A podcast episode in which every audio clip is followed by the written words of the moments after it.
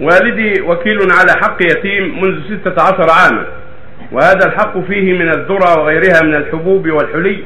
فقد كان والدي يعير المحتاجين وكانوا يردون ما أعير إليهم كاملا نعم نعم. آه، وكان والدي يعير المحتاجين وكانوا يردونها كاملة وإن نقص شيء يكمله والدي من عنده. وعندما بلغ الشخص سلمه والدي جميع حقه فهل كان والدي على حق فيما فعل؟ وهل برئت ذمته؟ أي أي والدي وكيل على حق يتيم منذ ستة عشر عاما وهذا الحق فيه من الذرة وغيرها من الحبوب والحلي. وقد كان والدي يعير المحتاجين وكانوا يردونها كاملة وإن نقص شيء يكمله من عنده. وعندما بلغ الشخص اليتيم سلمه والدي جميع حقه. فهل كان والدي على حق فيما فعل؟